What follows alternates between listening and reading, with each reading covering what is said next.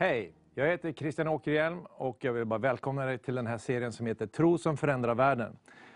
Förra programmet så, så talade jag om, eh, egentligen mest om mitt, min egen bakgrund och eh, hur, eh, hur jag hamnade i att bli missionär och arbeta med mission.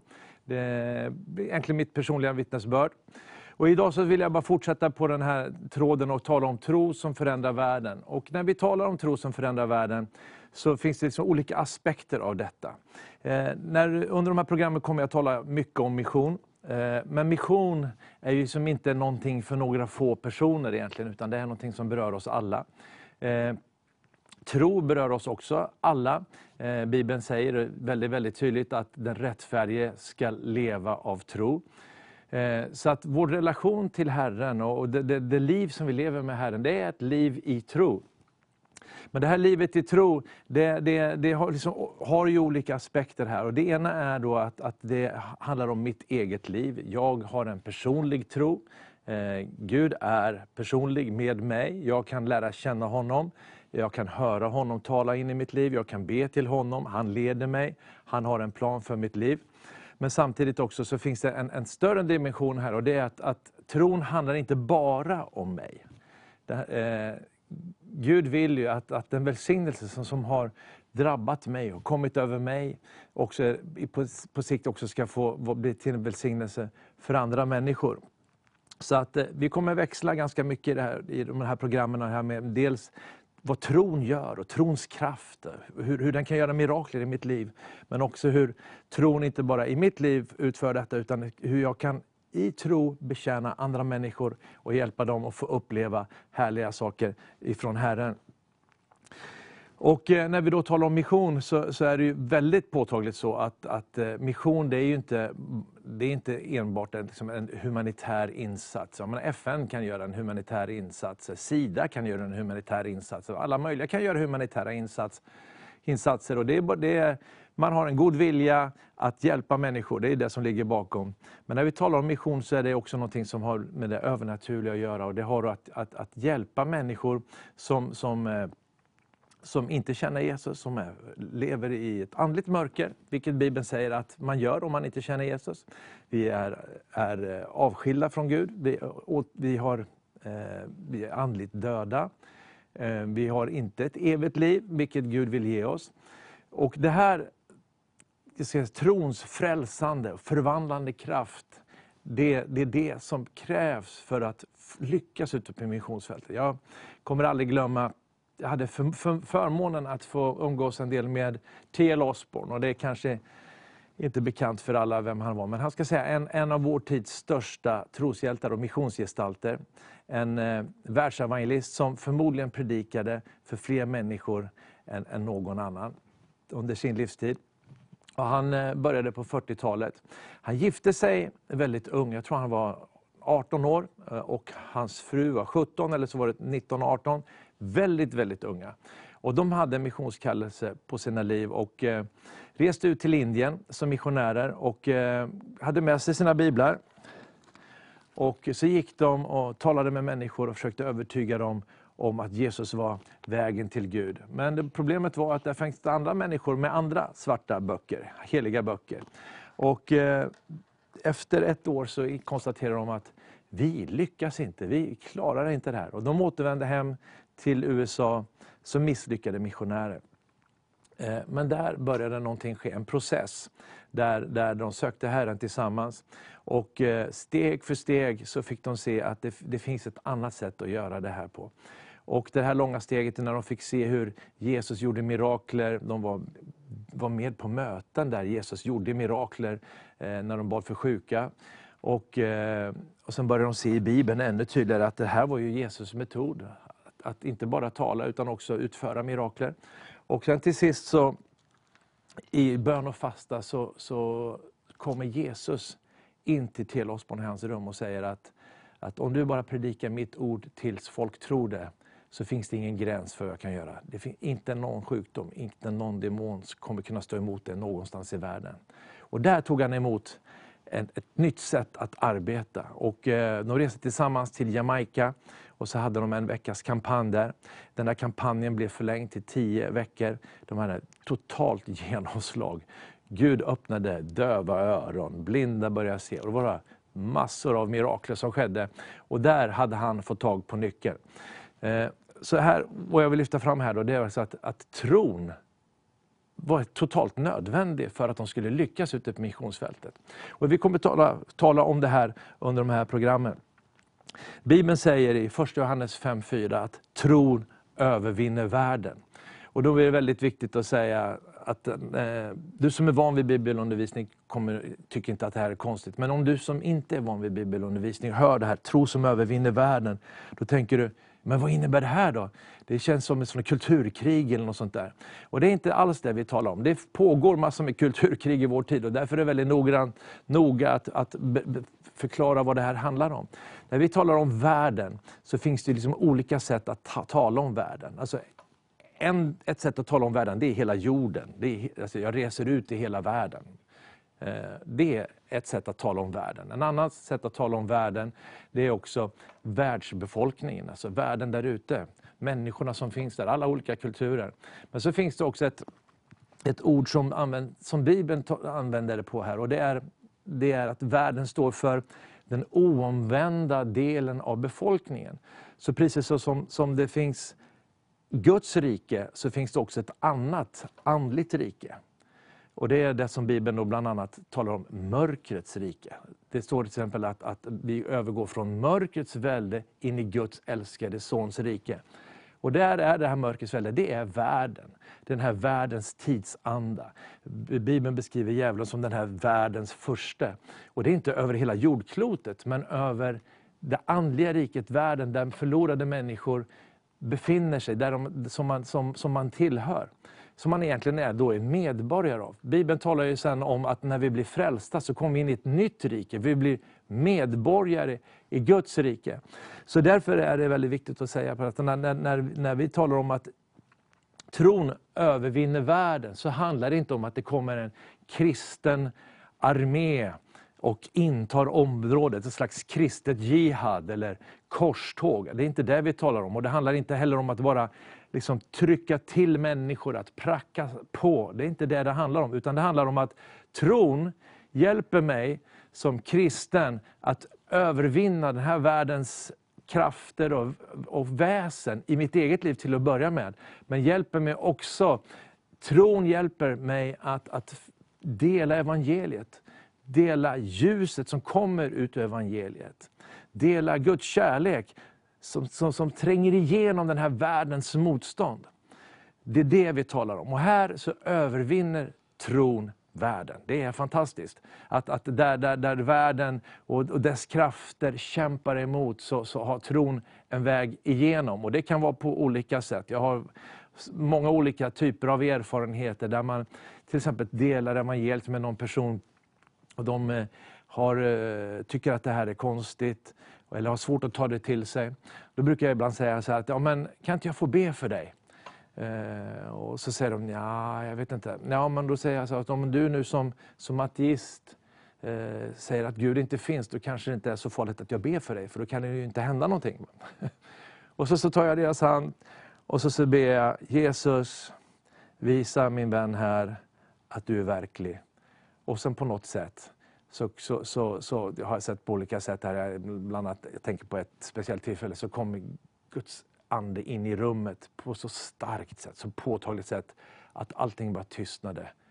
Och den här personen satt där och bara upplevde att Gud finns. Eller när man ber för sjuka, att man säger så här, kan jag, kan jag be för dig? Du som är sjuk. Och så säger de så här, men jag vet inte om jag tror. Nej, men du behöver inte tro, jag tror. Och så be och sen så när man har bett så plötsligt ser man hur tårar strömmar inför ögonen när de har känt att Guds kraft har rört vid dem. Det här är tron som bryter igenom det här mörkret som vill hålla människor fångna.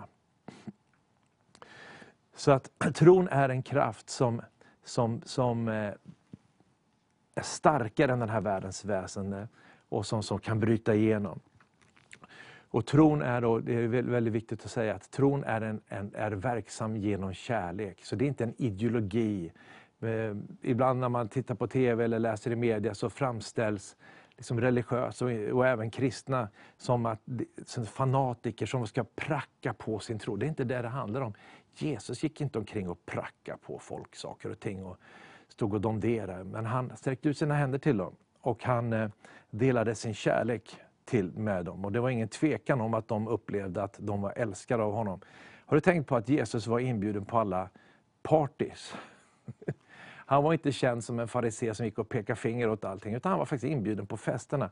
På något sätt så måste det ha varit trevligt att ha med Jesus där.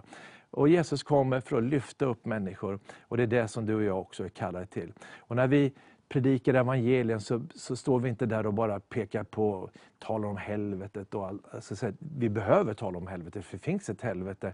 Men det kan inte vara det som är huvudbudskapet. Huvudbudskapet är att Gud har skapat de här människorna, att Gud älskar dem, har en plan för dem och vill förvandla deras liv och faktiskt bjuda in dem till ett evigt liv i himlen. Det är budskapet som vi behöver predika. Så tron, när vi talar om tron, så är det ju alltså inte en, en privatsak. Och eh, det finns ett härligt bibelställe här i första Thessalonikerbrevet som jag tänker läsa. Första Thessalonikerbrevet kapitel 1, vers 8. Och eh, det här är ju en församling då faktiskt som, som Paulus talar till, som han har själv startat den här församlingen. Eh, I eh, kap, kapitel 17 tror jag det är, i, eh, i Apostlagärningarna. en ganska rörig start faktiskt, mycket förföljelse. Eh, men det kommer människor till tro och då skriver han så här till de här människorna som faktiskt under väldigt mycket press. Jag kan faktiskt läsa från vers 6 så vi får eh, höra liksom lite bakgrunden också till hur det här gick till.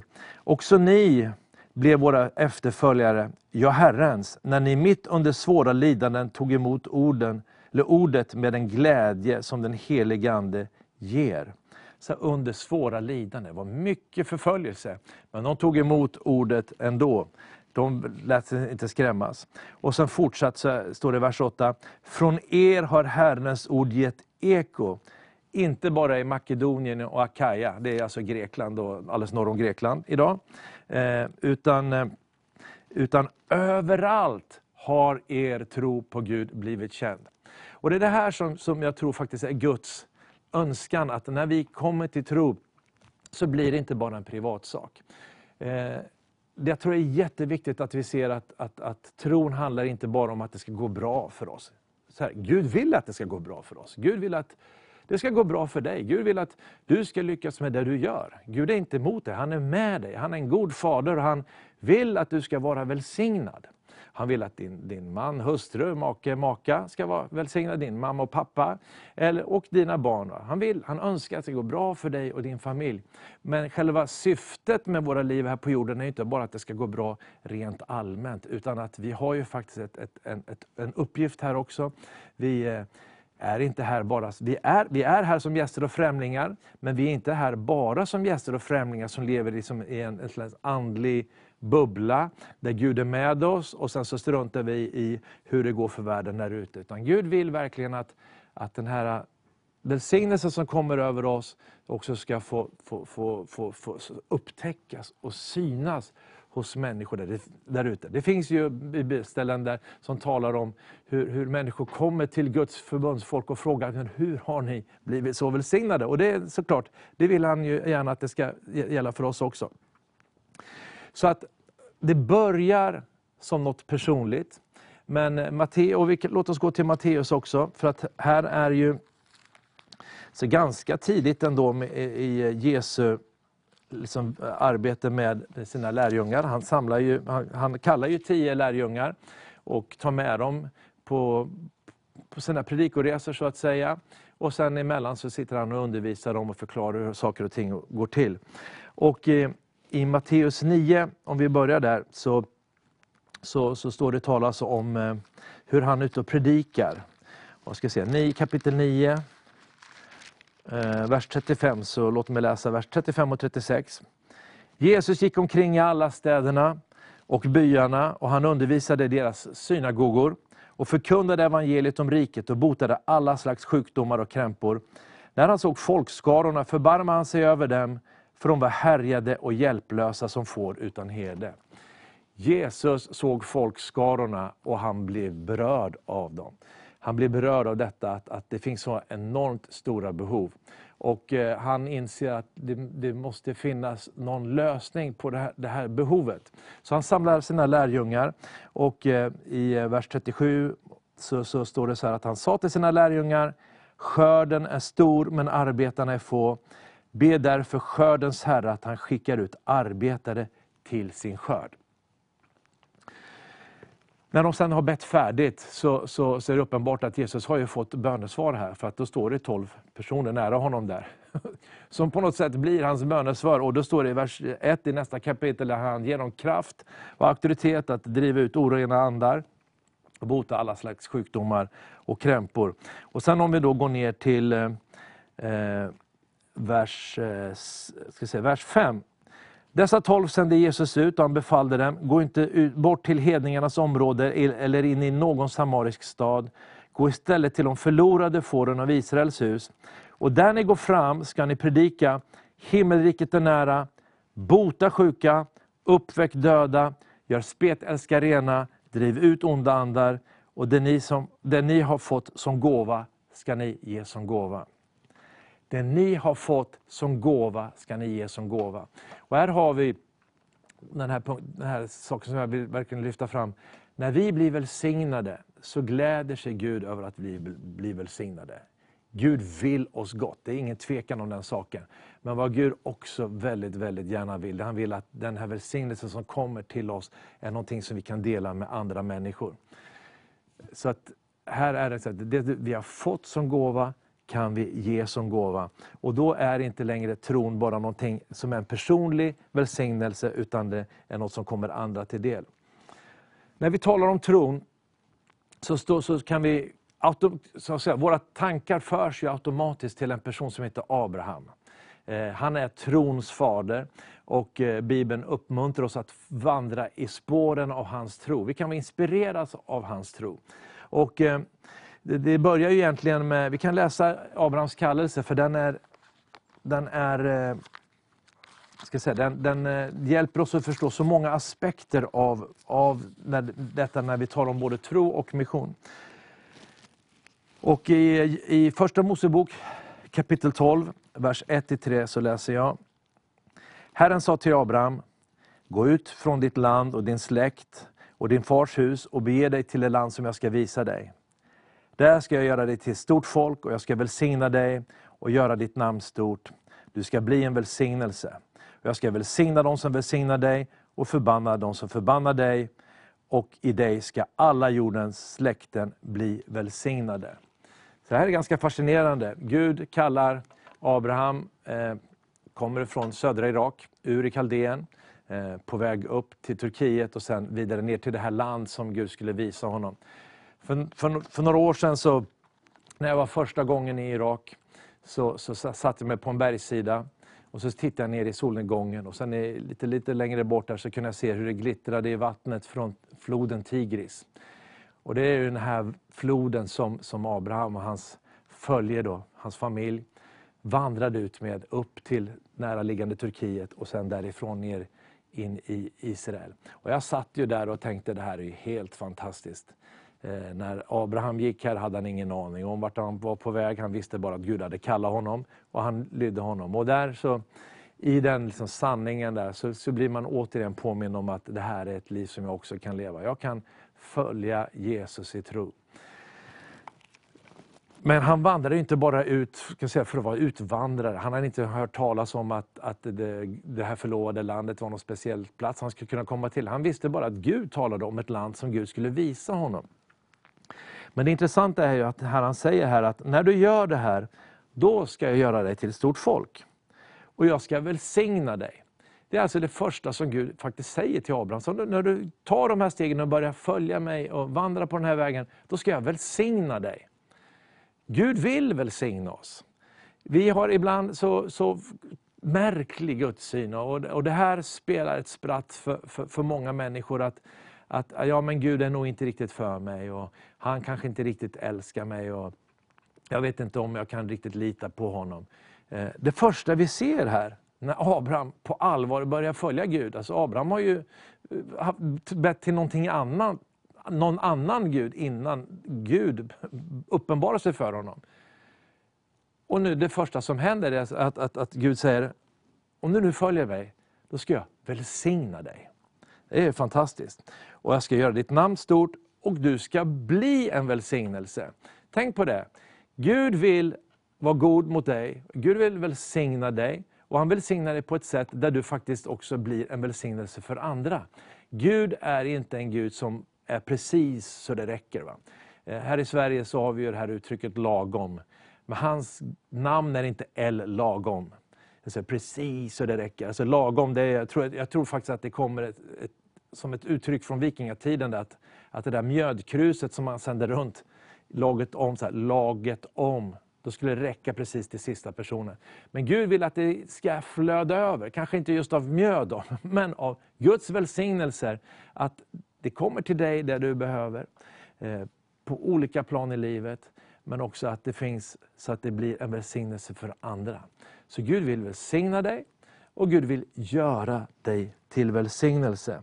Och sen så talar han till om att jag ska välsigna dem som välsignar dig. Så Gud verkligen, verkligen, verkligen vill vara på Abrahams sida i detta. Och sen till slut så står det att, att i dig skall jordens släkter bli välsignade.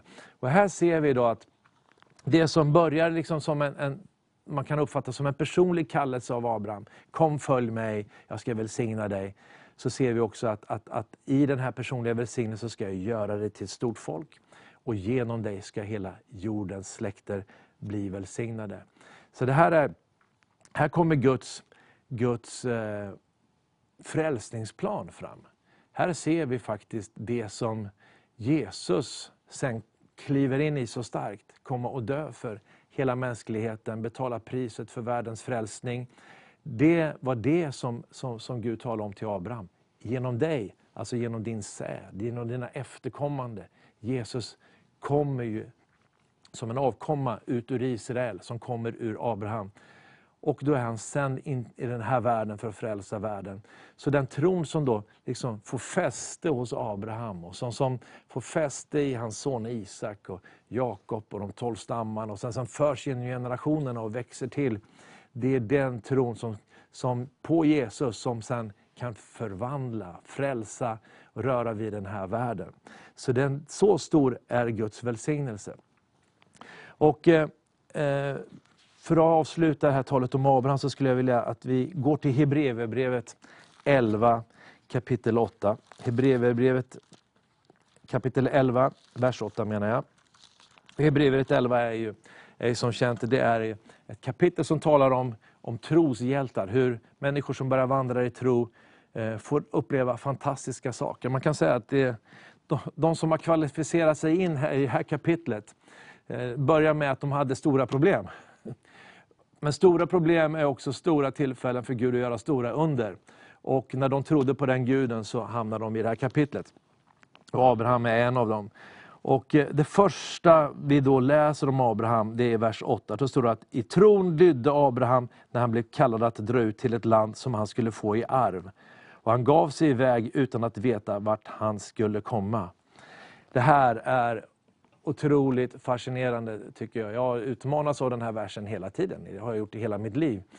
Och skulle, vill fortsätta att leva på det sättet att när, när Gud talar till oss så behöver vi respondera i tro. Att, att när, när Gud säger ta det här steget, att det verkligen håller. Jag kan lita på att Gud skulle inte kalla mig in i någonting som kommer krascha, eller något som, som, som kommer gå snett. Gud kallar mig in i någonting som han vill ska lyckas. Och jag behöver gensvara i tro. Men jag behöver också gensvara i lydnad. Och Det är det som är så fascinerande här, att han vet inte var det här landet ligger någonstans. Han vet bara att Gud kallar honom att ta de här stegen. Och när vi talar om ett liv i tro, så, så i mitt liv så handlar det, är det väldigt mycket kopplat till mission. Men alla är ju inte missionärer, alla flyttar inte ut till andra länder och är inte kallade att bli vare sig missionär eller pastor. Men vi är alla kallade att leva i tro. Och vi är alla kallade att ha ett hjärta för att Guds rike ska spridas och byggas ut. Och när Gud kallar dig och mig så kan vi också ta det här steget ut och bara veta att jag ser inte slutdestinationen, men Gud vet var slutdestinationen är. Det är som när jag kör bil på natten. Mina ljus lyser upp 200 meter. Men det är allt jag behöver veta de nästa 200 meterna. Men jag vet att det också finns en destination längre bort och dit ska jag. Gud välsigne dig. Vi ses i nästa program. Amen.